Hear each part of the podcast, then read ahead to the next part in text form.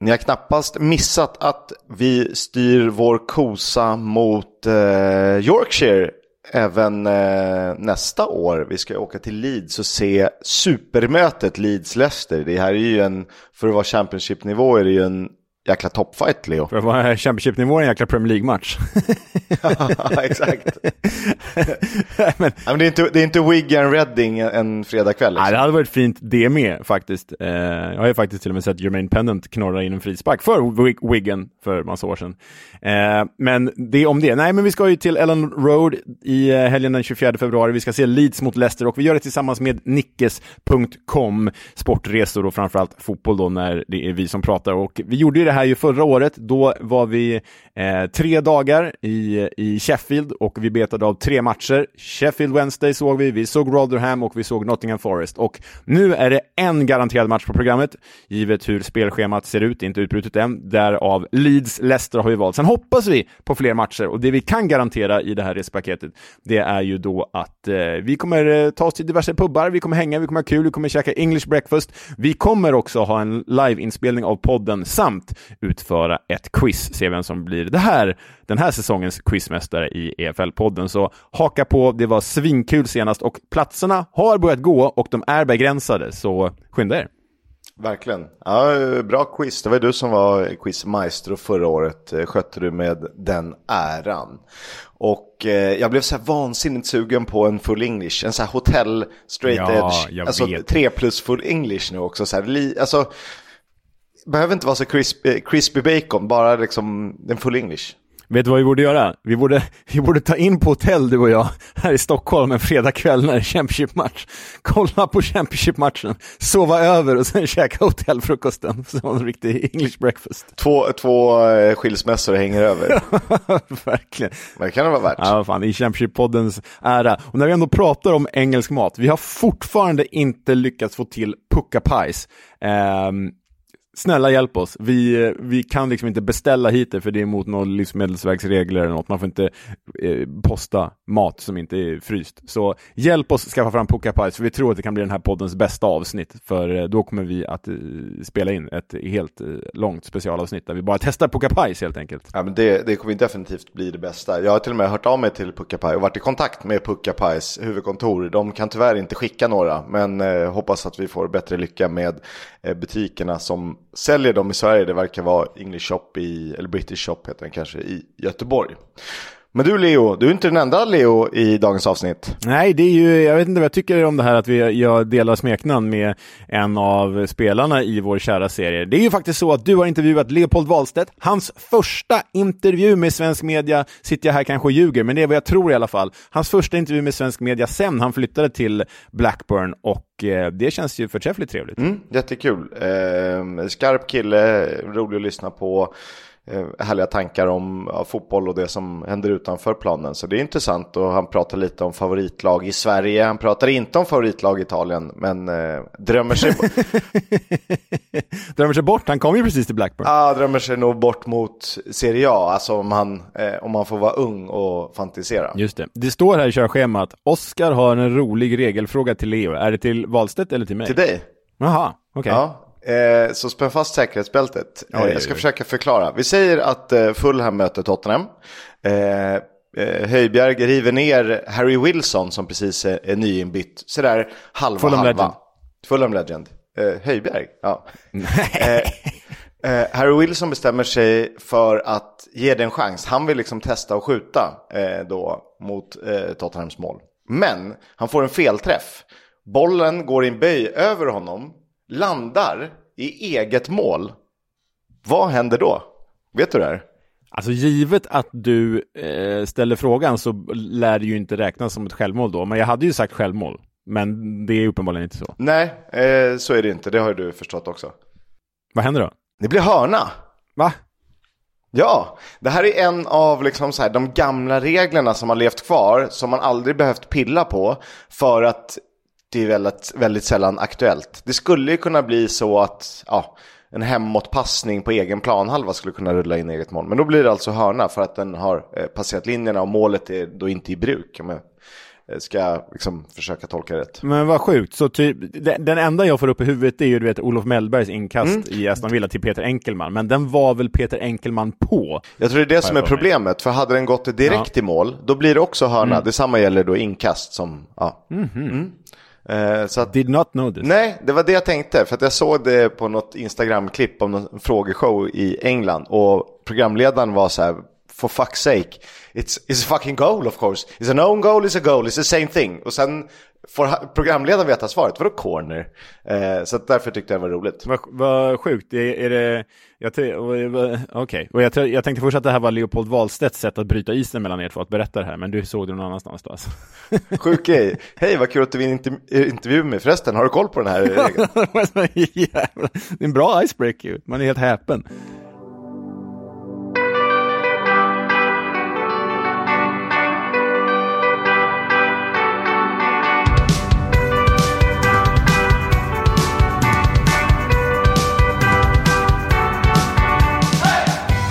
Du lyssnar på Footballs Coming Home, en podcast om Championship, League 1 och League 2 med mig, Oskar Kisk och Leonard Jägerskiöld Welander, den här klubbens Preston North End.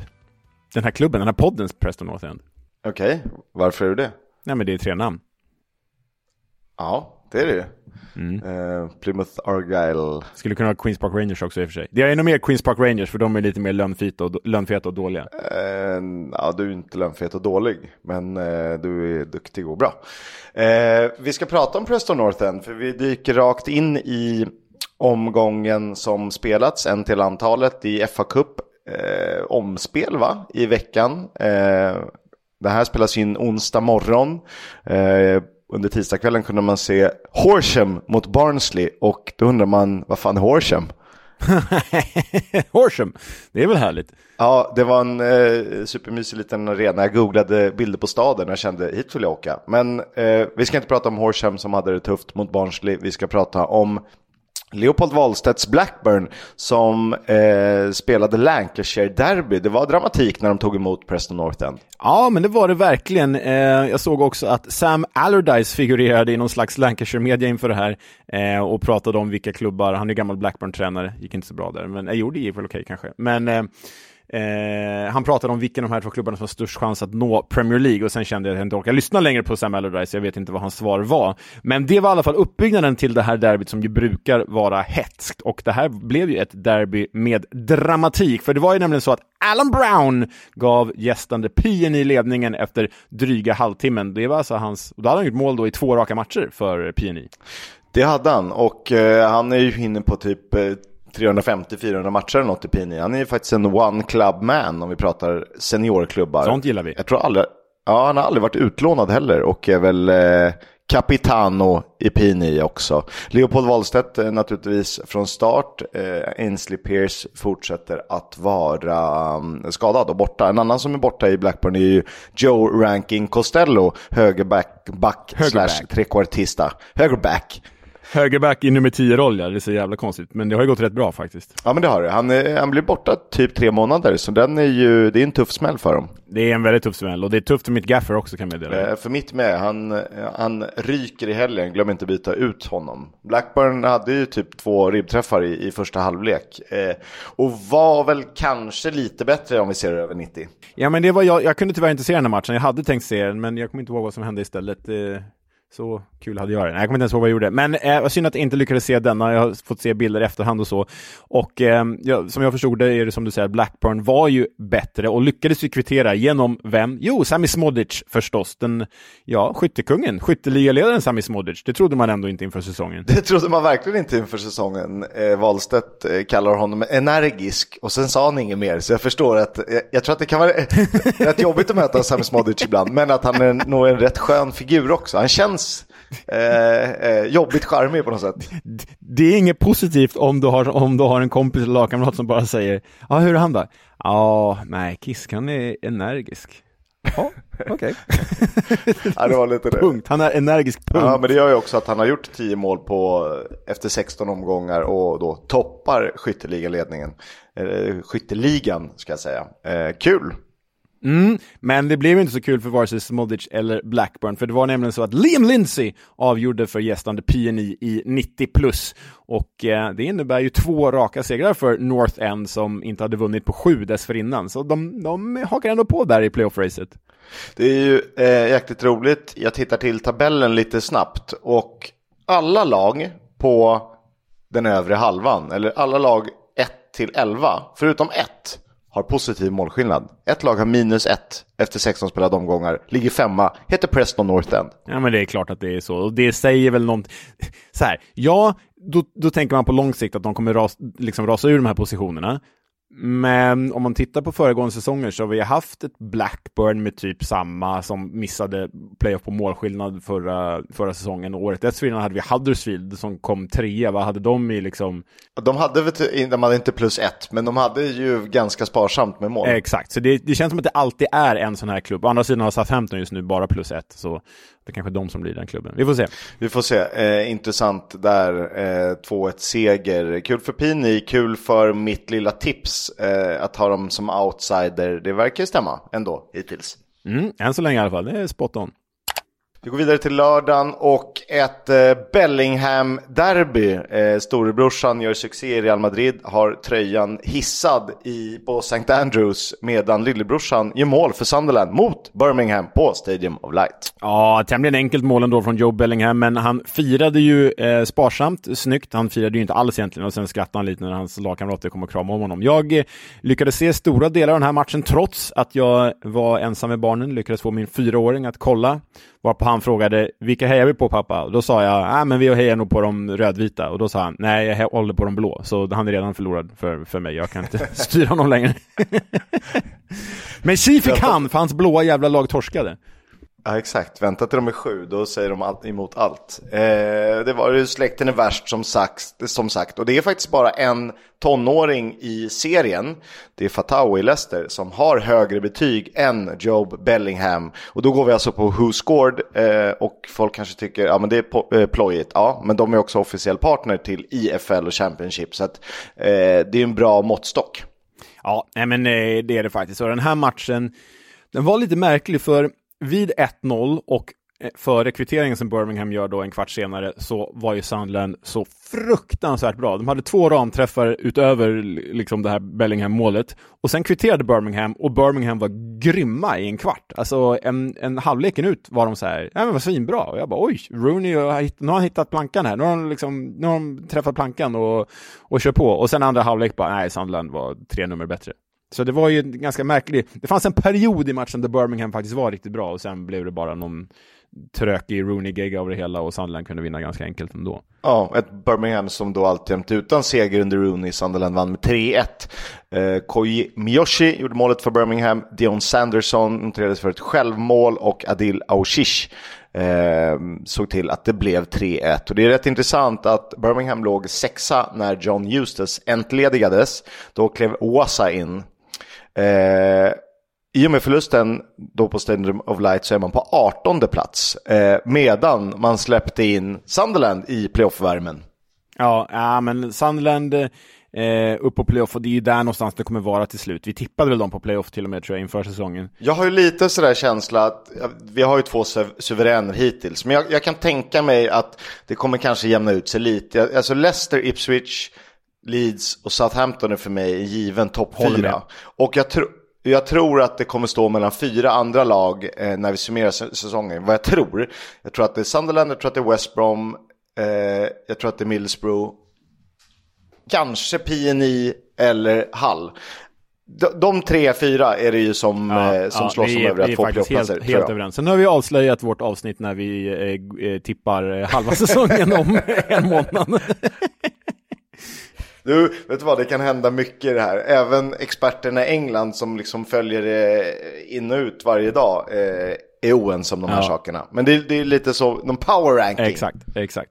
Eh, det som var väldigt fint i den här matchen, det var att 21-årige mittfältaren Dan Neil var lagkapten för Sunderland. Han är född, born and bred and raised on eh, The River Ware. Alltså han är född och uppvuxen i Sunderland. På läktarna, har varit supporter sedan barnsben. Det finns massa bilder på honom när han står på läktarna och skriker och sjunger. Eh, så det var ju väldigt, väldigt fint och han såg ju tårögd ut själv. Och de verkar vara bra på det där Sunderland. Kom ihåg att Jordan Henderson började så också, så blev han kapten. Så eh, från läktaren ut på planen liksom. Mm. Sen tappar de honom till Saudi. Så är det. Eh, tredje raka segern för Black Cats mot Birmingham för vi till protokollet också. Eh, det spelas en till match, det spelas massor med matcher men som man kunde se, jag såg delar av den åtminstone i början. Cardiff Norwich eh, 2-3, jag har sett ikapp resten och eh, även om Cardiff förlorade så tar jag med mig Callum Robinson, CR47 med 1 plus 1, såklart. Ja, nu är han ju igång alltså. Cristiano Ronaldo CR7 slängde i väggen, CR47 är den riktiga stjärnan här. Eh, synd bara för Cardiff att eh, de typ slutat vinna när han börjat spela bra. så, så, kan det vara, för här blev det ju torsk 2-3 mot ja, Norwich, som, som du har skrivit så väl här, Kisk. Det blev ju en pyrrusseger för Norwich här, för nu blir det så här, blev det en livlina för David Wagner, vi kanske inte ska sparka honom än, fast ni borde ju sparka honom, för det går ju åt helvete. Ja, och eh, den nya sportchefen, det kanske du har skrivit i nyhetssegmentet, men är väl eh, uppe och rullar nu och eh, ser väl över den här situationen, så det är väl snarare en tidsfråga eh, än att han faktiskt har köpt sig tid genom den här segern. Men fint att se ett lag som krigar. Alltså, jag vet inte vad det är som, du, du, var inne på det lite, för offensiven Cardiff såg ju riktigt bra ut stundtals. Carlan Grant var sådär snabb, sen är han ju för snabb för sitt eget bästa för han har ganska begränsad teknik så att han får aldrig med sig bollen utan han springer Nej. vidare. Men Josh Bowler ja. fick göra mål på eh, Robinson assist då, eh, peta in den men det var snyggt det också. Ehm, de är bra framåt men det är inte det de ska vara för att lyckas. Nej, men det är ändå, man, man, jag som liksom verkligen haft Cardiff som den här poddens inofficiella hatlag, eh, ja, förutom MK Dons då, men i, i The Championship, jag, jag är till och med lite frälst av den här säsongens Cardiff. Errol Burduth for Walesisk president. Ja, jag tycker också att de, han har gjort någonting med det här laget som gör att det är um, älskvärt igen. Verkligen så. Älskvärt är starkt. Ehm, det var ju dubbla vändningar den här matchen svängde och krängde och det är ju faktiskt så att Norwich avgör ju sent. De ligger alltså under med 1-2 på 80 minuten och sen kvittering 82, eh, seger genom Adam Idai 84. Så det är någon stark vändning av The Canaries, men oh, det, jag vet inte, även om de vinner här, deras försvarsspel är så, det är så öppet, det är så dåligt, det är, eh, det är Shane Duffy. Alltså, ett, ett lag som ska aspirera om playoffplatserna eh, tillsammans med den här eh, kvartetten som vi nämner innan, eller åtminstone trion Sunderland, West Brom, Middlesbrough, eh, som absolut har potentialen, de har spelarmaterialet för det. De kan inte ha det här försvaret, för det, det är det som kommer kosta dem en playoffplats. Jag ja. nästan kunna byta en hand mot det. Så är det. Nej, jag instämmer. För de, eh, mål gör de och mål släpper de ju in och det grövsta. Eh, vi ska gå till en eh, målfattig match som eh, hette Coventry Stoke 0-0, slutade den. Ja, och återigen så var det ju en show i eh, uppvisning i missade chanser och lägen från Coventry. Det spelar ingen roll om det är Hadji Wright, det spelar ingen roll om det är eller Sims, det spelar ingen roll om det är Matt Godden trots att han var ett stim i början av säsongen. Coventry gör inte mål, utnyttjar inte sina chanser, utnyttjar inte sitt övertag och det är en repig jävla skiva det här, men, men eh, Ja, nej, jag vet inte. Jag blir bara trött när, när vi kan prata Stoke istället. De har nu 3-0 på de fyra senaste matcherna och fem raka utan förlust. Det är bra i alla fall. Mm, tajta till det där. Eh, det kanske är vägen framåt som det borde vara. Det som är eh, frågan är om Victor Gyökeres var ännu bättre än vad vi sa att han var i Coventry. G givet, hur, givet hur det sett ut hittills i Sporting, nu gjorde han ju mål mot Benfica i helgen även om de torskar. Så givet hur det sett ut hittills så ja, Viktor Gyökeres är bättre än vad vi sa att han var. Ja, då om vi har varit kritiska så ber vi om ursäkt för eh, fasen. Vi saknar honom i serien, Coventry saknar honom i serien. Kom tillbaka, det är bättre ett liv i Coventry än i Lissabon. Kom nu, kom nu hem, kom hem nu. Sa, förlåt, men sa ingen någonsin. Hur mycket man älskar England. Verkligen. Eh, ett liv i Hall kan vara trevligt när man möter Huddersfield. Kan du det Kisk? Jag har varit där. Kan du det? Ja, du, du pratade ju om att eh, det är en av de självmordstätaste platserna i, um, i hela Storbritannien va? Oh, you should go and see Humber Bridge. What's that? That's where everyone tops themselves. Oh, Okej, okay, tack. ja, alltså man får inte skratta, men det är om ni mår eh, dåligt, eh, ta hjälp, prata med någon. EFL-podden står alltid öppen. Ja, men faktiskt, det, det, det är lätt att liksom skratta åt sån okontextualiserad misär, men när man pratar om det i sitt sammanhang så absolut eh, kom ihåg att prata med folk om din mår. Hall tog eh, tredje segern på de fyra senaste och jag tycker definitivt att de är förtjänta av det här epitetet eh, playoff-utmanare. De ligger strax bakom och kikar. Eh, ganska tajta bakåt. Skulle behöva göra lite mer mål om det ska vara någonting på allvar. Ja, jag. jag. tycker det ändå känns här. Nu har de hittat det igen. De har vunnit tre av de fyra senaste. Känns ganska stabila. Bara, men visst, det är det sista steget här för att verkligen kunna etablera sig som ett topp 6-lag. Det är målgaranti. För vi vet att defensiven sitter. De är svårbesegrade. De måste bara börja kunna garantera mål. De har ju på pappret fina offensiva spelare. Men nu har väl Ozan Tuffan börjat komma tillbaka i någon slags spel efter den här skadan. Och du vet, det är ju en annan nivå när han spelar alltså. Ja, där eh, talar vi en kille som är skillnad mellan att vara typ mitten av Championship. Eh, nu är de ju inte det bevisligen eftersom de är playoff-utmanare. Men han har ju liksom tre, fyra placeringar till i sig att lyfta laget potential för att vara eh, säsongens MVP. Det betyder inte att han är bästa spelare, men MVP, absolut. Absolut. Eh, det här var första segern för Hull mot Huddersfield sedan 2015. Men om vi pratar nutid så har ju eh, Huddersfield gjort ett mål på de fyra senaste och vunnit en av de tio senaste. Och nog för att man har fyra poäng till osäker mark, men eh, det här är ju ett av fyra lag som kommer slåss om nedflyttning. Så kan vi säga. Nej, det ser, det ser ju faktiskt eh, sämre ut än vad det gjorde med Warnock. Jag, eh, Va, va, det, vad har någonsin ser... sett bättre ut utan Warnock? Kan du säga det? nej, jag, nej, jag vet inte. Jag vet inte. Nej, men det ser verkligen, verkligen dåligt ut under Darmores ledning här. Truppen är ju riktigt kass, absolut. Men jag tror nog att de hade förväntat sig bättre resultat än det här när de bytte Warnock mot Moore. Om, att de ska liksom, de lagen de ska fightas mot i kampen om överlevnad, som det ser ut just nu på pappret, som de kan nå. Eh, är ju Coventry, Plymouth, Birmingham och Swansea. Och jag tycker spelmässigt att det, alltså de har en poäng bakom Coventry och Plymouth. Hur fan har de lyckats få ihop så mycket poäng? Det, det Nej, fattar det inte jag. Nej, det är, nej, det är overkligt. Och också så här, va? Vad gör Plymouth och Coventry där nere? Ja, men alltså det, det, men det ska ju vara fyra lag i botten som är liksom, de ska redan ha 12 poäng upp till, till nästa. Ja, ja, verkligen. Eh, apropå Huddersfield så eh, har vi en bekant, hon är, är, är mamma till eh, en av ungarna i min sons förskoleklass. Och hon har något jobb som gör att hon reser omkring ganska mycket och besöker fabriker. Jag kommer inte ihåg vad, vad är det för företag hon jobbar för, men besöker fabriker runt om i Europa.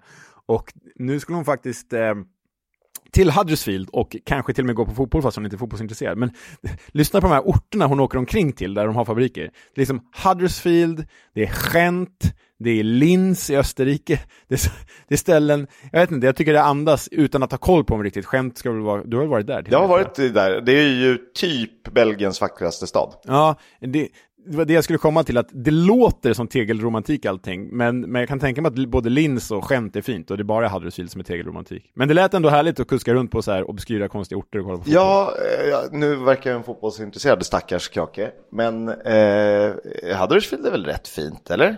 Ja, jag, har, jag har faktiskt ärligt bara tågat igenom när jag åkte från Manchester till just Hull då. Eh, det såg sådär ut. Vilken stad var det vi, vi kom fram till var den deppigaste i England? Vi hade någon, det var inte Huddersfield va? Det var något annat tror jag. Ja, det, min go-to där är ju alltid Hall, men jag vet inte, det finns väl någon Nej, den var väl bara Säkert. trea. Åh oh, nej. ja, eh, ni som kommer ihåg, kommer ihåg. De har, arenan ligger jäkligt vackert för det är lite sådär eh, kuperad terräng, landskapet runt Huddersfield. Ja, det är en dalgång liksom. Exakt. Så ja, det, man, ser den från, man ser den från tåget. Det finns otroligt feta liksom, eh, kvällsbilder när arenan är upplyst och så ser du sådär. Ja, eh, så är det fint i alla fall i Huddersfield. Ja. Eh, Ipswich går som tåget. Eh, här besegrade de Swansea, eh, men de behövde ju inte den hjälpen de fick. Eh, jag tänker på det röda kortet, eh, ändå. Nej, men det blir ju en jäkla holmgång det här. Det slutar alltså 3-2 till Ipparna mot Svanarna. Eh, och då var det ju faktiskt så att Swansea tog ledningen genom Jay Fulton. Eh, men sen var det ju då Jack Taylor, Connor Chaplin och George Hurst som vände på detta efter bara drygt 50 minuter. Men Jack Taylors målkiss, mamma mia, puff, det är ju... Är det en eh, kandidat till säsong, säsongens eller? Eh, ja, ja, jag tror nog att vi kan få se några snyggare. Men jag, jag tänker på en grej. Det är nästan vackrare att bollen är, eh, ska vi säga, en halv meter nedanför krysset än går direkt i krysset. Det är liksom mer estetiskt snyggt. Eh, 90-talsmål på något sätt. Jag tycker det beror, beror lite på, ja, som en Erik Rinaldo frispark typ. Eh, eh, jag tycker det beror på vilket nät det är. Um, ska, om det ska gå direkt i krysset ska det vara ett hårt jävla nät som liksom stagar upp den i krysset. Inte något sånt här mjukt där bollen bara rullar ner i någon båge sen. Eh, jävlar, nu är det detaljnivå här. Jaha, du gjorde aha, det var ett hårt, hårt nät. Ja, då var det då är det inte säsongens mål. ja, men det är skillnad.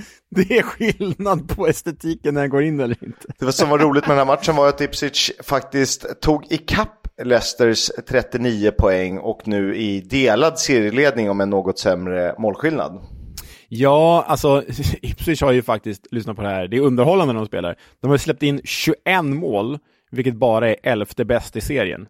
Å andra sidan är de ju överlägset bäst framåt med 36 gjorda, som är sju fler än både Leicester och Norwich. Så det är ju sjukt underhållande, men det gör ju också att målskillnaden är sämre än Leicesters. Naturligtvis eh, skiljer fyra plusmål i nuläget. Swansea har bara en seger på de fem senaste, eh, avslutat två raka matcher med tio spelare också. Eh, det är såklart det blir tufft även om det inte hade någon inverkan. De gjorde ju faktiskt eh, mål med en man mindre.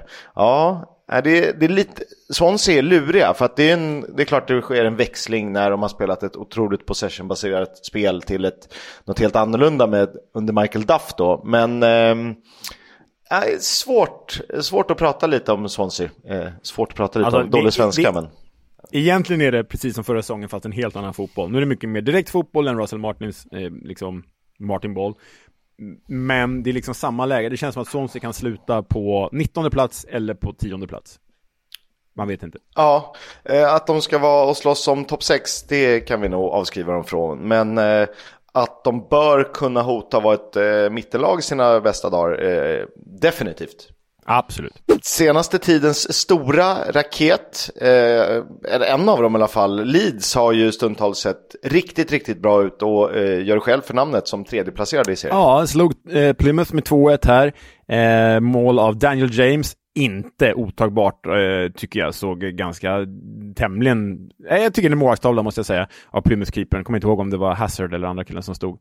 Eh, skitsamma. Joel Pirou utökade sen till 2-0 och det var ju det, trots att Ben Wayne reducerade. Men Leeds, de som alltså ska åka och kolla på i februari, med sex segrar nu på de sju senaste och då är man ju där uppe. Då är man där uppe. Det, det skiljer ju faktiskt åtta poäng upp, vilket är helt sanslöst. Men jag, jag ser inte som omöjligt att det börjar eh, bytas lite positioner. Eh, det kan ju ta ett tag, men Leeds är ju så pass bra. Vi tippar dem som serieledare av en anledning och inte för att slå oss själva för bröstet, men den kollen tycker jag ändå vi har. Ja, nej, men jag, det här är långt ifrån över och vi vet ju, vi sa ju det förra veckans avsnitt tror jag, att Ipswich har ju en mycket tunnare trupp och det lär väl straffa sig till slut. Crescencio Somerville med en assist. Det innebär att han har nio poäng på de sju senaste matcherna. Det är, det är fantastiskt bra. Är lite det är lite dopat det här laget. Eh, om man kollar vilka spelare, att de ens behövde Joel Pirou, ja. liksom Rutter, Njonto som inte ens är starter. Nej men vadå, Leeds, Leicester och även Southampton är ju dopade, men det är ju också för att de kommer ovanifrån. Eh, nu är det ingen självklarhet att man kommer ovanifrån och gör det bra direkt efter, det har vi sett prov på tidigare säsonger. Men det är skönt att Ipswich är där uppe, för annars hade vi haft tre Premier League-klubbar i, i topp igen. Liksom. Så skönt att det mm. luckras upp lite. Det är det ju absolut. Eh, Pilgrims har bara en seger på de åtta senaste, det var mot Wednesday. Men jag tycker att spelmässigt är de mycket, mycket bättre än vad resultaten visar. Sen kanske det blir svårt och det är tuffa papper att komma med i slutet av säsongen om man då riskerar att åka ur. Men eh, det är i alla fall min åsikt. Nej, men jag håller med. Plymouth känns mycket bättre än vad de har presterat och var de ligger. Men det är lite som Coventry också, som just nu känns mycket bättre än vad de presterar. Så det måste vända ja, innan nyår i alla fall, annars kanske man blir tvungen att agera på något sätt. Eh, så känns det inte alls omöjligt, eh, för nu börjar vi komma in i det här eh, manager sacking season nästan. Mm, ja, där, där är vi. Det, där har vi varit hela säsongen känns som. Hela den här poddens existens har varit manager sacking season. Eh, Middlesbrough mot Leicester var ju ett, ett toppmöte och eh, dessutom en, eh, en förlust till för Leicester. Vad var det vi skulle göra? Skulle vi snabbspola eller? jag tror ändå det, att när det kommer till Leicester så kanske man kan snabbspola. Men visst, några bumps in the road blir det väl längs vägen. Och här, alltså, Middlesbrough borta, vi, vi vet ju att de är bättre än den mittenplacering de ligger på. Vi vet ju att liksom, Carrick har fått igång det här laget. Så att förlora bort mot Borough, det gör ju egentligen inte så mycket. Det är, det är en okej okay förlust, om någon förlust nu är okej. Okay. Men det här matchens enda mål, Sam Greenwoods frispark, vad kan det vara? Kisk, du är bättre på avstånd än, än vad jag är, men det kan vara... 30. Ja, alltså i krysset. 28-30. Det är en perfekt frispark. Ja, ja men det är en jätte jätte, jättefin frispark och han har ju verkligen hittat formen. Smugit lite under radarn, fyra eh, mål på sex matcher är det för honom nu, Leedslånet. Mm, en Leedslån som jag såg någonstans att Borough kan köpa loss för en och en halv miljon pund i en klausul. Det är ju ingenting eh, i de här sammanhangen. Så eh, bra fynd igen av Borough får man ju säga. De har varit bra på det de två senaste säsongerna, att fynda. Det har de. Eh, är eh, 39 poäng rekord efter 16 omgångar? Jag tyckte mig läsa det, sen hittade jag inte källan. Jo, eh, jo eh, Leicester och Ipswich har rekord efter 16 omgångar i The Championship. Men hör på det här då Kisk. På de tio senaste matcherna har Middlesbrough tagit 22 av 30 poäng. Det är ju väldigt bra.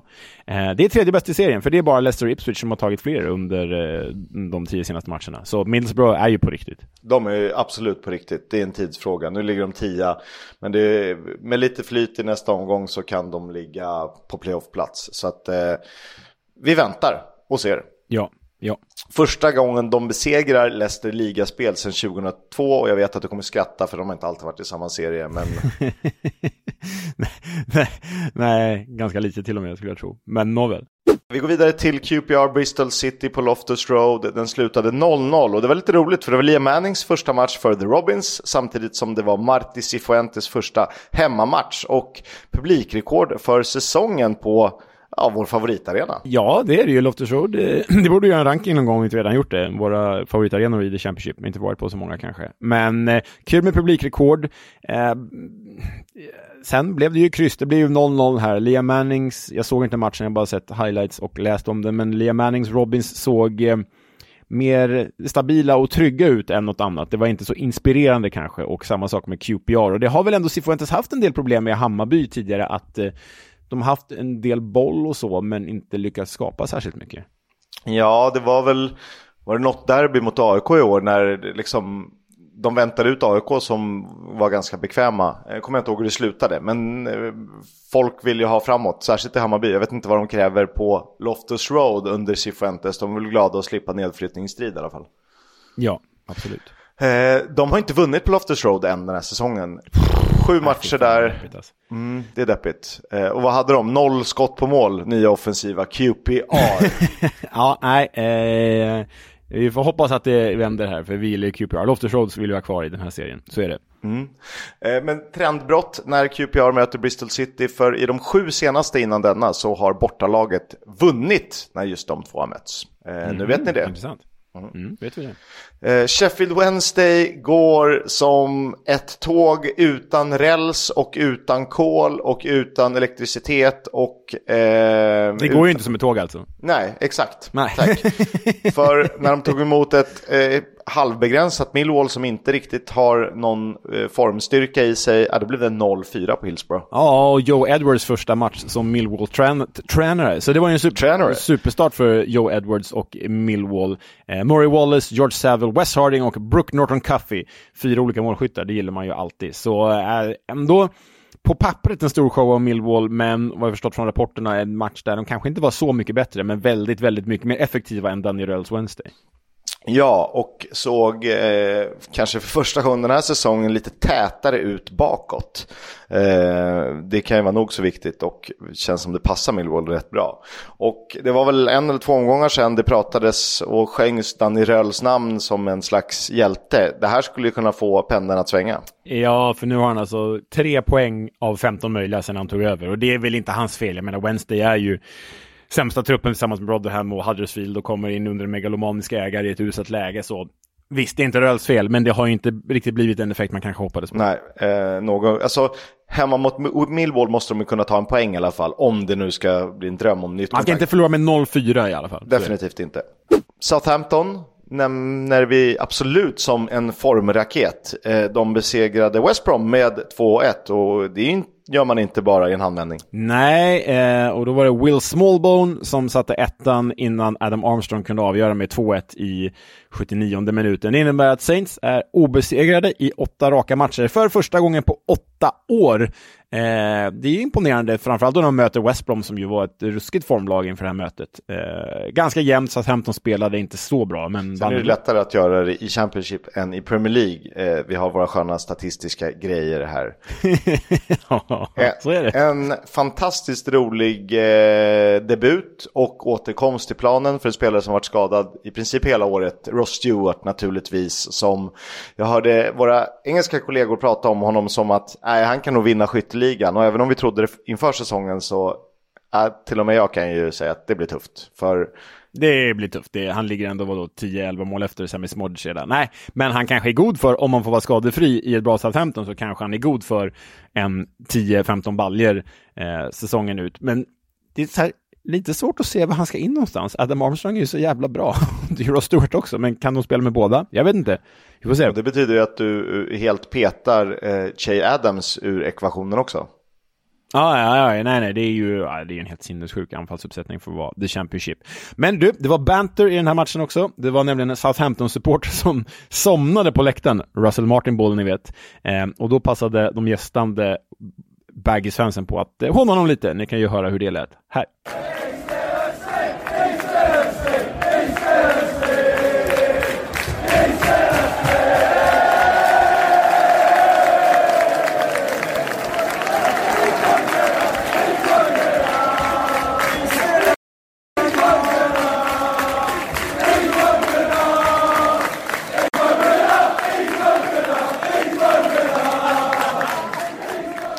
Är fantastiskt roligt och att de fortsätter med samma tema på eh, att han eh, sover, han vaknade, är för jävla roligt. det, är så jävla, det är faktiskt riktigt bra, det är roligt. Där är de starka britterna. Nej, eller ja, vadå nej? Konstig felsägning, nej. Den sista eh, matchen i bokstavsordningen spelades mellan Watford och Rotherham.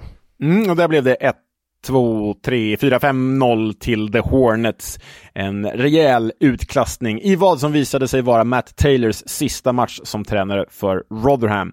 Ken Sema från start, start för Watford, Victor Johansson från start för Rotherham. Och Ken Sema blev ju matchens lirare, för han spelade fram till både 1 och 2-0 som Mileta Rajovic gjorde. Ja, eh, fantastiskt roligt. Och eh, pratas om honom i England att så här, ja men Ken Sema är ju liksom aldrig dålig, men han kan vara ordinär ganska ofta. Eh, bra att ha ett lag, men framförallt när han väl är bra så är han ju prime Ryan Giggs. Ja, lite så, så här. Han är alltid 3 plus, förutom typ var tionde match när han råkar vara 5 plus. Eh, men vi gillar ju Sema. King Ken är ju vår kompis och jag tyckte det var spännande det här med Mileta Rajovic som då gör två mål av de här fem. Han spelar alltså 86 minuter, gör två mål, men slår bara tre lyckade passningar. Fan vad jag älskar det. Det är, alltså det är så ett, ett försvarstal till hederlig gammal anfallare, en fox in the box. Är, han, han, är ju precis där han ska vara. Och han, ja, ja, ja, han verkligen. gör 1-0. Vadå passa? Jag ska avsluta. Ja, liksom. Han gör 1-0 och 2-0 ja. både första halvlek, det andra precis innan vilan, vilket stänger butiken helt. Eh, för sen är det ju bara show i andra halvlek. Och Watford är bra utan att vara bra. Eh, de vinner ändå stabilt här. Ja, det kan man ju lugnt säga. Och sen Rotherham, de har en poäng på åtta bortamatcher eh, hittills och sen har de inte vunnit på bortaplan på ett år. Så är det ganska tufft på resande fot för The Millerman och för Victor Johansson. Och Victor Johansson får ju i ärlighetens namn inte lika mycket hjälp den här säsongen som han fick förra säsongen. Nej, det, det ser inte alls inspirerat ut. Och det är också rätt tufft att förlita sig på att man är bra på hemmaplan för att, för att vinna matcher. Verkligen. Footballs Coming Home sponsras av Stryktipset, ett spel från Svenska Spel, Sport och Casino. För dig över 18 år, stödlinjen.se. Det är ju som bekant ett litet landslagsuppehåll till helgen, vilket betyder att kupongen öppnar klockan 07.00 under torsdagen. Och jag håller såklart tummarna för League One på kupongen med två rätt heta fighter där Blackpool tar emot Shrewsbury. Hemmalaget behöver ju verkligen vässa formen om man ska ta sig tillbaka till Championship. Och eh, jag ser dem som klara favoriter hemma mot Shrewsbury som dock vann senast. Formstarka Stevenage ser ut att vara tillbaka i gott slag inför mötet med Lincoln. Även om man har sju poäng upp till Pompey i topp är man den stora överraskningen bland topp 6 och frågan är om man orkar hela säsongen. Särskilt när manager Steve Evans eh, ryktas vara på väg bort. Håll koll på anfallaren Jamie Reed som gör sin första säsong i League 1 och redan gjort lika många mål som i League 2 förra säsongen. Leo, vad har du för planer i helgen? Nej, men jag kommer ändå faktiskt eh, släpa mig till åtminstone tvn för att se Sverige-Estland. Det känner jag ändå att liksom, oavsett hur dåligt det går och oavsett om det är Janne eller Rooney Bardghji eller inte så kommer jag nog att se den där bedrövelsen. Men om vi pratar i vårt sammanhang så är det ju faktiskt så att eh, det är en till match som spelats den här i League One och det är Blackpool Shrewsbury och man är ju lite smått förälskad i Blackpool sen vi jobbat med dem i två eh, tidigare säsonger. Jag ska se om jag kan se The Tangerines på något sätt på lördag. Jag vet inte om du lyssnade dåligt men jag, jag, jag nämnde ju den lite kort i alla fall bara så att vi... Ingen... Jag lyssnar alltid dåligt. det är därför den här podden är så konstig för ingen från... Exakt. Nej, men roliga matcher i League One. Matt Taylor har fått sparken av Rotherham eh, och han är den första tränaren att bli sparkad av klubben sedan 2016. Vem eh, tror du ersätter? Nej men det första man tänkte på var ju Neil Warnock, givet att han räddade Rotherham för ett par säsonger sedan och givet att han ju bor, eller bor gör han inte, men han kommer från Sheffield-området. Det var det första tanken som slog en och det vi ville hoppas på. Men nu nämns Stevenage, Steve Evans, som den hetaste kandidaten. Han gör ju väldigt bra i Stevenage, men vad jag förstått så är han en väldigt, väldigt, väldigt, väldigt speciell karaktär och har ju floppat i Leeds och sådär. Men det kanske är bra för en klubb som Rotherham att få in någon så här eh, galning som Steve Evans verkar vara. Mm. Eh, Warnock lite tidigt på säsongen va? Hellre i februari-mars. Exakt. Man, det är för tidigt. De kommer hinna bli dåliga igen framåt mars och då, då åker de ur ändå. Nej, exakt. Du har faktiskt rätt i den spaningen. Eh, vidare så tränar Papis Cissé, kommer ni ihåg eh, Newcastle-senegalesen som gjorde det där drömmålet mot Chelsea bland annat? Han tränar med Macclesfield och det var väl härligt med en 39-årig Papis Cissé i de lägre divisionerna. Eh, jag vet inte om Macclesfield är i eh, femman eller sexan. Eh, de går sådär i alla fall. Mm. Leeds säljer 15-årige Finley Gorman till Manchester City för en rekordsumma för just 15-åringar i England. Jag vet inte om eh, siffran nämndes. Nej, jag har sett olika siffror som nämndes och därför lämnar jag utanför eh, eh, facit här. Det enda som har sagts är rekordsumma, alltså konkret så. Um, så det är väl bra för Leeds om de kan göra en hacka på sin fina ungdomsakademi. Eh, vidare Leeds så rapporteras det att Liverpool förbereder ett bud på deras 17-årige Archie Gray som ju du har gjort en specialare om tidigare på säsongen. Mm. Honom kan man ju lyssna in i Remember the Name. Eh, skicklig spelare, intressant karaktär och Leeds through and through. Hela familjen är ju det. Exakt. Sunderland uppges ha god chans att värva Alexander Aravena från Universidad Católica. Och han var ju intressant för dem och flera andra klubbar redan i somras. Målfarlig 21-årig anfallare som redan testat chilenska landslaget. Ehm, kul karaktär att få in, kanske polare med Ben Burton Diaz. Eller med Marcelinho Nunez.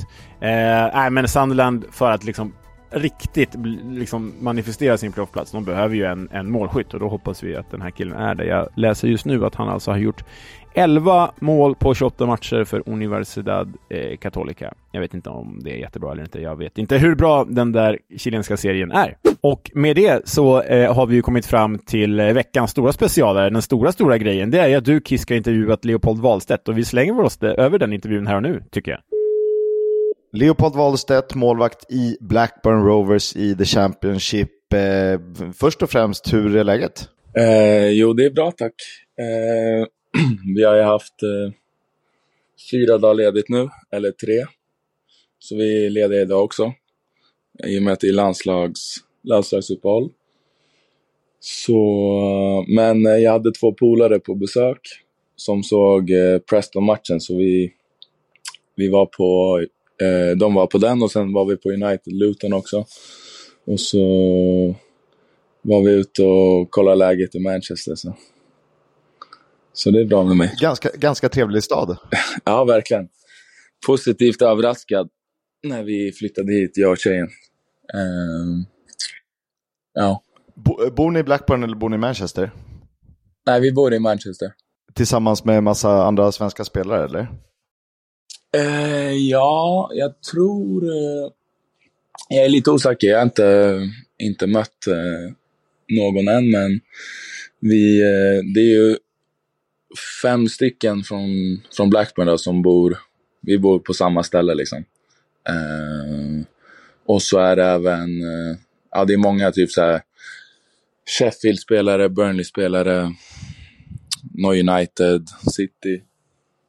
Det är liksom ett så här, eh, ska man säga, komplex med det är gym och spa och allting så det är grymt.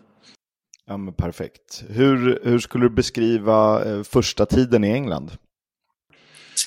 Um, lärorik.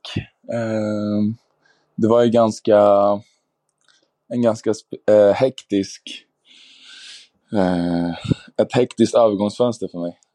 Um, som alla vet så var jag, jag var ju nära Bröndby eh, i Danmark och sen så som man har lärt sig nu i silly season så inget är klart förrän det är klart så kom ju Blackburn in i bilden och så blev det Blackburn. Um, och sen eh, första tiden var väl, eh, i och med att jag kom, ska vi säga, helgen, ja på måndagen efter premiären i ligan. Så var ju, var, jag spelade ju inte i början. Eh, men det var ändå, jag var ganska, ska man säga, medveten om det när jag signade, att det skulle kunna ta lite tid. Eh, I och med att jag inte hade haft någon försäsong eller så med laget. Och så är det, eh, det är ganska speciellt eh, spel, eh, spelsätt som vi har i Rover. Så det fick ta sin lilla tid och jag, för min del så var det bara bra att få ja, men lära känna. Det, det, också, det var också en annan träningsbelastning och så vidare. Så. Eh, men eh, nu spelar jag så nu trivs jag väldigt bra. Eh, du nämnde där med Brönnby, det, det pratades om någon klubb i Frankrike också. V vad var det som hände med, med Brönnby och hur kommer det sig att eh, det blev Blackburn till slut då? Nej, det är väl, jag har in, inte, ingen lust egentligen att prata så mycket om Brönnby, men eh, det var ju som jag sa att det i silly season så det är som med alla, alla lag har eh, sina första val, sina andra val och så är ju inget klart förrän det är klart. Så att, eh, jag hade ju haft kontakt med Blackburn tidigare under, under eh, fönstret. Eh, men så var det ju en, en övergång också med tidigare målvakten som drog ut väldigt mycket på tiden. Eh, och sen så ja, blev det klart och så togs kontakten upp igen och sen kände jag att det var ja, men, rent sportsligt ett, eh, ett, eh, ännu ett steg upp. Så jag hade väldigt lust att testa det. Just det, det var ju Thomas Kaminski som lämnade för Luton och eh, Premier. League. Eh, eh, har du haft kontakt, var det Jon Dahl Tomasson som liksom tog kontakten och, och pratade om att han ville värva dig eller har du haft kontakt med andra i, i klubben eh, när det blev aktuellt? Eh, jag pratade med både, eller jag pratade både med Jon Dahl och sen eh, ja, med resten i sportchef och så vidare. Hur, hur är han att, eh, att jobba med som tränare? För du nämnde något speciellt spelsätt där bland annat. Ja, nej. Först och främst väldigt, väldigt bra tränare. Eh, som eh, han kräver väldigt mycket av, av spelarna. Och eh, vi är ju, det som är grejen är att vi är väldigt, eh, om man ser, det har man ju märkt på de flesta andra lagen i Championship så har vi en eh, eh, rent fysiskt och ja, vi är väldigt kort lag. Eh, om man ser på snittlängden. Eh, så att eh, vi, det är väldigt, eh, väldigt, vi är väldigt spelande. Eh, att det ska byggas upp bakifrån eh, i princip varje gång. Och sen mycket spela på en och två touch inom en, två sekunder är egentligen huvudprinciperna. Hur, hur trivs du med det? Gillar, gillar du att, att, att, spela bakifrån och vara, vara en del av uppbyggnaden? Du är först, rätt ofta första liksom, punkten i det hela. Mm. Eh, jo, men jag har alltid varit, ändå varit rätt så trygg med fötterna. Eh, och sen även i odds så det är något jag har med mig nu för att med Paco då, tränaren som jag hade i Odd, så var jag i princip alla anfall startade med mig då.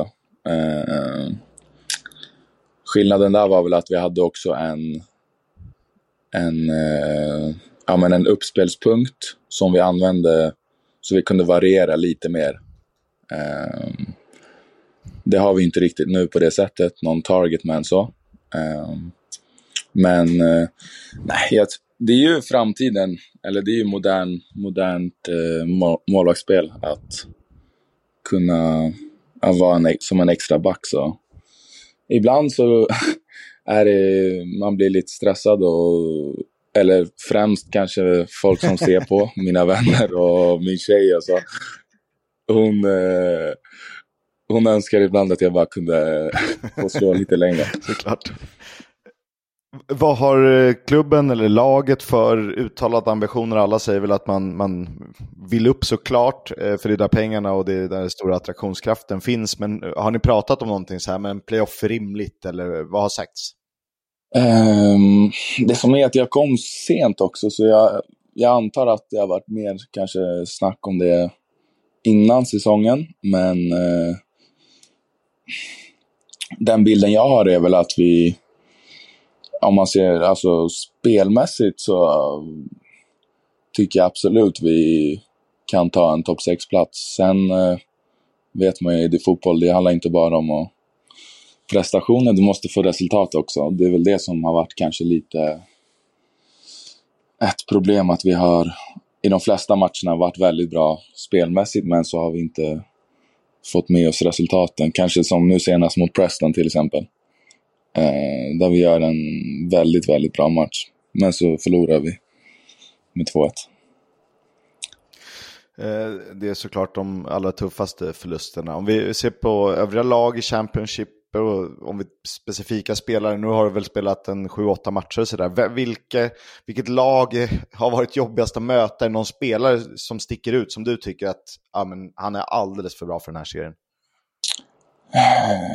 Jag fick ju en, eh, en skön liten väckarklocka där. Det var ju min debut när jag blev inbytt mot Leicester. Ja, eh, då kom jag in i 60 tror jag. Eh, och en spelare som, även jag såg från han, Dewsbury Hall i Leicester. tycker jag var höll riktigt hög nivå faktiskt. Och han har gjort det bra i Premier League också. Så. Det har han. Och vem är, vem är ert lag? Det är ganska givet. Jag har ju en personlig favorit i, i Sami Smodic som jag tycker verkar vara ja. både en skön karaktär på och utanför planen. Stämmer det? Ja, han är energisk. Kortfattat. Nej, men eh, han, han är ju skytteligaledare så han har gjort det väldigt bra. Det har, jag tror inte det behövs någon närmare förklaring. Vi förstod vad, vad energisk betydde i sammanhanget även på träning. Ja. Nej, han är rolig. De behövs. Har, har du fått några riktigt bra kompisar i laget än? Har du hunnit bekanta dig med hela truppen? Eh, ja, vi, eh, jag bor ju granne med Sigurdsson, Arnord. Eh, och hans, han har ju en svensk eh, flickvän också. Så vi har eh, umgåtts mycket med dem. Jag, min tjej är också svensk. Eh, så vi har varit mycket med dem och så såklart Sondra också, Tronsta. Eh, sen har vi ju... Ah, det är många, men... Eh, Andrew, Moran, Dylan. Vi bor ju alla också i samma ställe. Eh, Semir, han nya från Tyskland också. Så, ja. Det, det är ju aldrig roligt att liksom nå framgång på andras bekostnad, men det är ju lite av, eh, det är en del av hela liksom, elitidrottsskapet. Och Ainsley Pierce blev skadad, du klev in, det var tuffa första 30 minuter, men därefter har du verkligen tagit chansen. Det är inte många som rankas högre om man ska gå efter de verktyg som Championship använder. Vad, vad skulle du säga, varför har det gått så bra för dig inledningsvis? Uh, nej, men varför? Det är väl att... Uh... Nej, men som du sa, jag var ganska... Jag var väldigt bestämd på att när jag, när jag signade, så jag, som jag som sagt så visste jag att jag, jag skulle nog inte ja, men 99% gå rätt in från start efter premiären. Så det handlade väl egentligen bara om att försöka inte, inte låta sig stressas och ja, men försöka verkligen ta till mig. Och alla, vi jobbar bra med målvaktstränaren också. Eh, tränade på väldigt bra när jag inte spelade och så hade jag väl bara i huvudet att när jag väl får chansen så ska jag ta den och sen inte försöka tänka så mycket.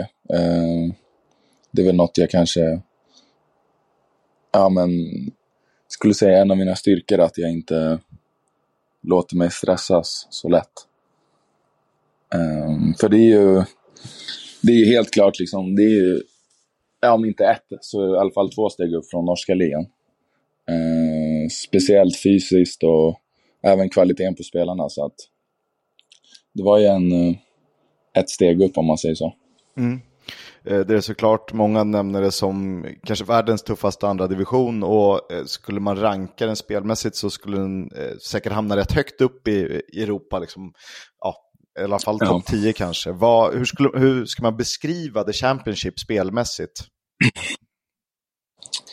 Um, den största skillnaden som jag ser kanske, nu har jag, jag har inte spelat, jag har spelat i norska ligan och så var jag i Dalkurd också.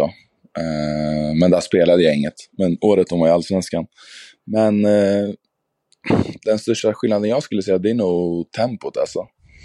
Och löpkapaciteten på spelarna liksom. Att det, det körs i 90 minuter. Plus 8, ofta.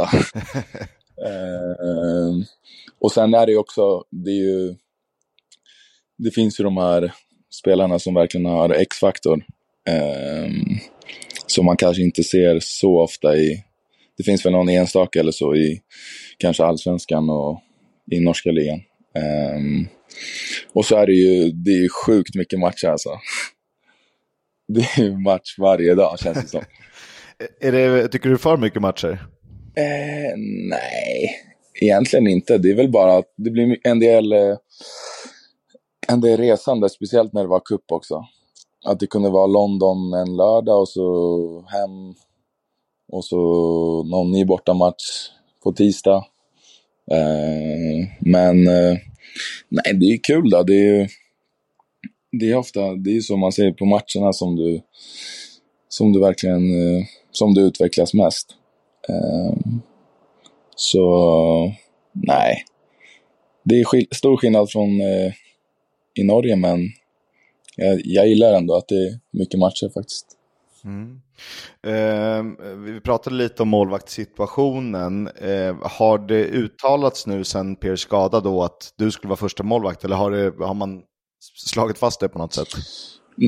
Nej, det är väl inget uttalat sådär, utan det är väl eh, som alltid att gör du det bra och förtjänar att spela så spelar du. Det är väl den bilden också jag har fått av ja, men, eh, Jon Dahl som tränare att det är ingen som ska man säga, han är, han är inte rädd för att ändra i laget. Ja, där känns det som han är rätt, eh, eh, rätt vass. Och hur funkar ni tillsammans, eh, målvakter? För ofta brukar man prata om vikten av att ha en andra målvakt, eh, om det nu finns en sån, som lyfter också första målvakten likväl som är ett stöd på träningar och så vidare. Känner ni att ni har den dynamiken inne i gruppen? Ja, det är som, eh, det tycker jag inte är några problem faktiskt. Ehm, Det är professionellt. Som det ska vara. Såklart. Eh, du har ju rest runt åtminstone lite i England, fått följa med och sitta på bänken, men ja. också spela. Eh, något ställe, någon arena, någon plats som du tycker sticker ut så här långt?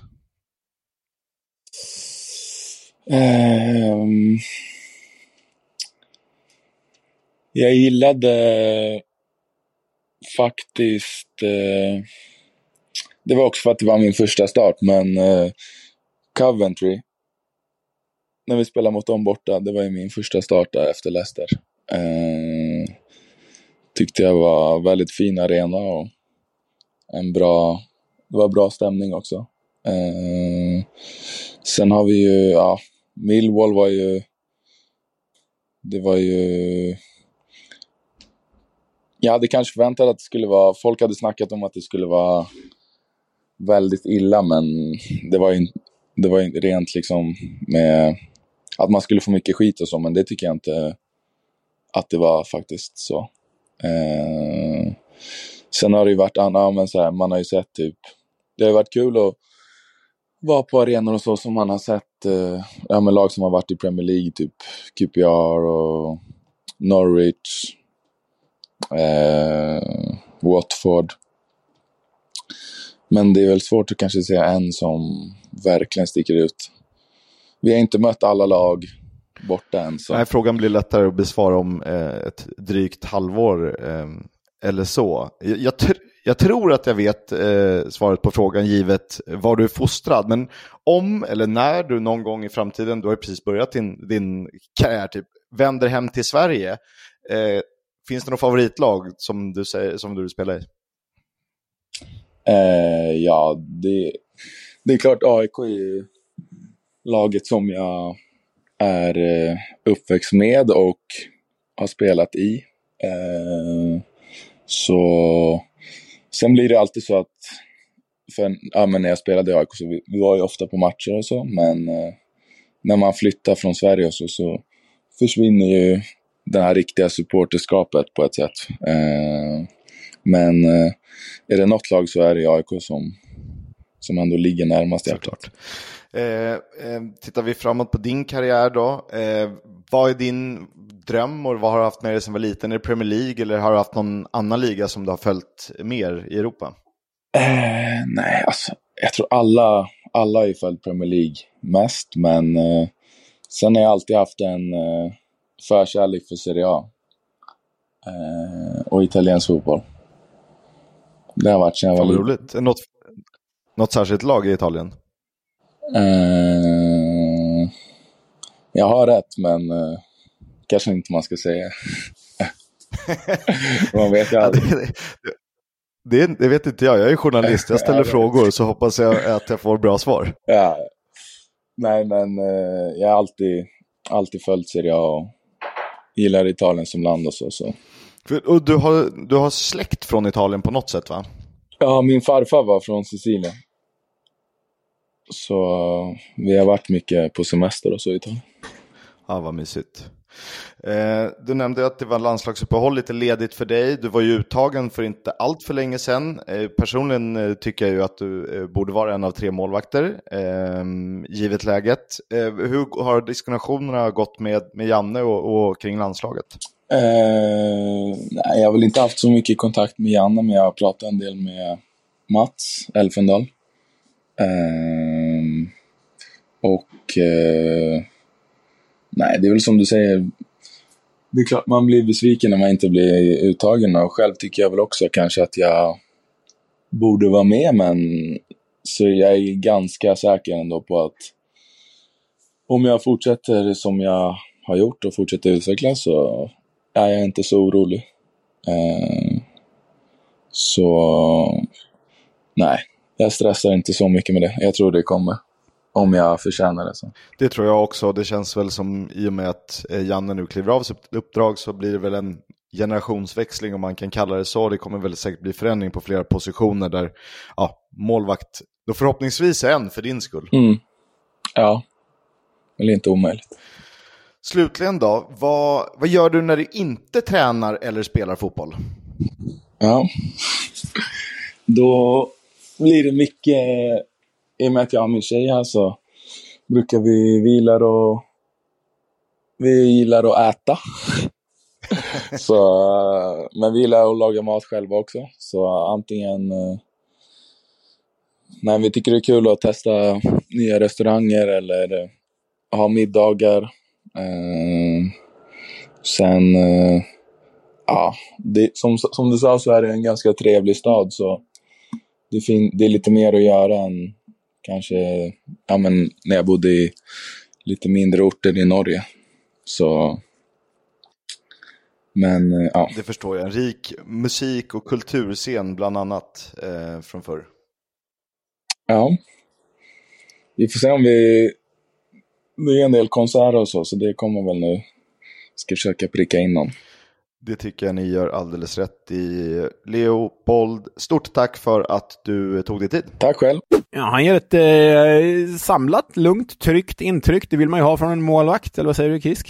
Ja, eh, och ändå lite, eh, jag tycker det är coolt det där med att han vet att han har en styrka i att han bara kör. Att han kanske inte tänker och analysera situationer. Det tror jag kan vara en styrka som fotbollsspelare, som elitidrottsman, som eh, målvakt särskilt. Kul att höra lite också om eh, hur livet är i England. Det kanske inte är så vi romantiserar livet som fotbollsspelare i England och bo i Blackburn och gå ner på puben och käka en full English. Eh, utan eh, det ska bos i gated communities i Manchester tillsammans med andra och sådär. Men eh, lite likt det liv Hjalmar Ekdal åtminstone levde i början av sin tid i, i England. Mm. Ja, men eh, kul där. Vi hoppas att vi får anledning att eh, prata fler gånger med den gode Leo. Vi hade ju förberett eh, ytterligare en till specialare. Eh, vi tänker att vi rankar alla positioner, topp 10 spelare i Championship. Men vi börjar med det nästa vecka. Eh, det enda vi kan säga är att Leopold Wahlstedt är med när vi börjar med målvakterna. Mm, och eh, det kör vi nästa vecka då. Topp 10 målvakter, det blir kul. Och där har vi, gör vi som vi har gjort förut. Du gör en lista, jag gör en lista och sen sammanfogar vi dem till facit helt enkelt. We'll have a chat about the fucking game. About your game, last few months, last few weeks. Fucking character. Jag är inte helt säker på om vi har kört den här eller inte. Det är, det är ju en klassiker, men jag tycker att den är så jäkla rolig. Det är alltså John Sitton som då är manager i Leighton Orient. Han filmas under ett halvtidssnack i dokumentären Orient Club for a Fiver. Eh, och här är han ju Neil Warnock in disguise. Så arg, samtidigt så behärskad. Passive aggressive och det är ju fantastiskt bra tv. Make an angle for him! Now fucking pull your socks up, because they're going to beat us if we go out the second half like that. That is a fucking typical performance that we've had too often here. I ain't going to happen too, uh, too much go. more. I ain't going to happen too much more. I spoke to you the other day about a new contract. The possibility of a new contract.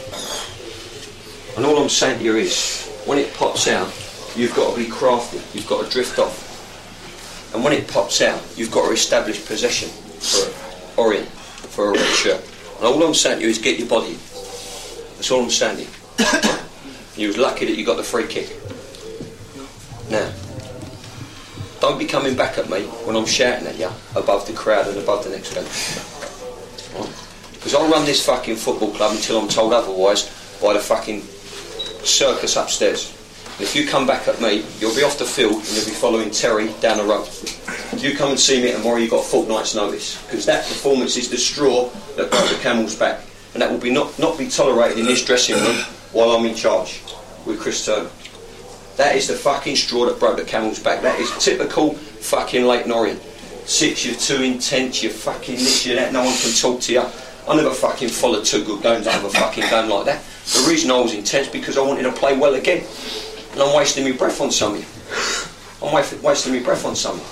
What did I say to you about good players? They want to be good players all the time. Don't you know how profound that is if you're not examining the fucking words? Because you've had two good performances and you think I'm fucking Bertie Big Bollocks tonight. I'll fucking play her I like. But you won't play you like, because if you play you like, I'll fucking stick the youth team.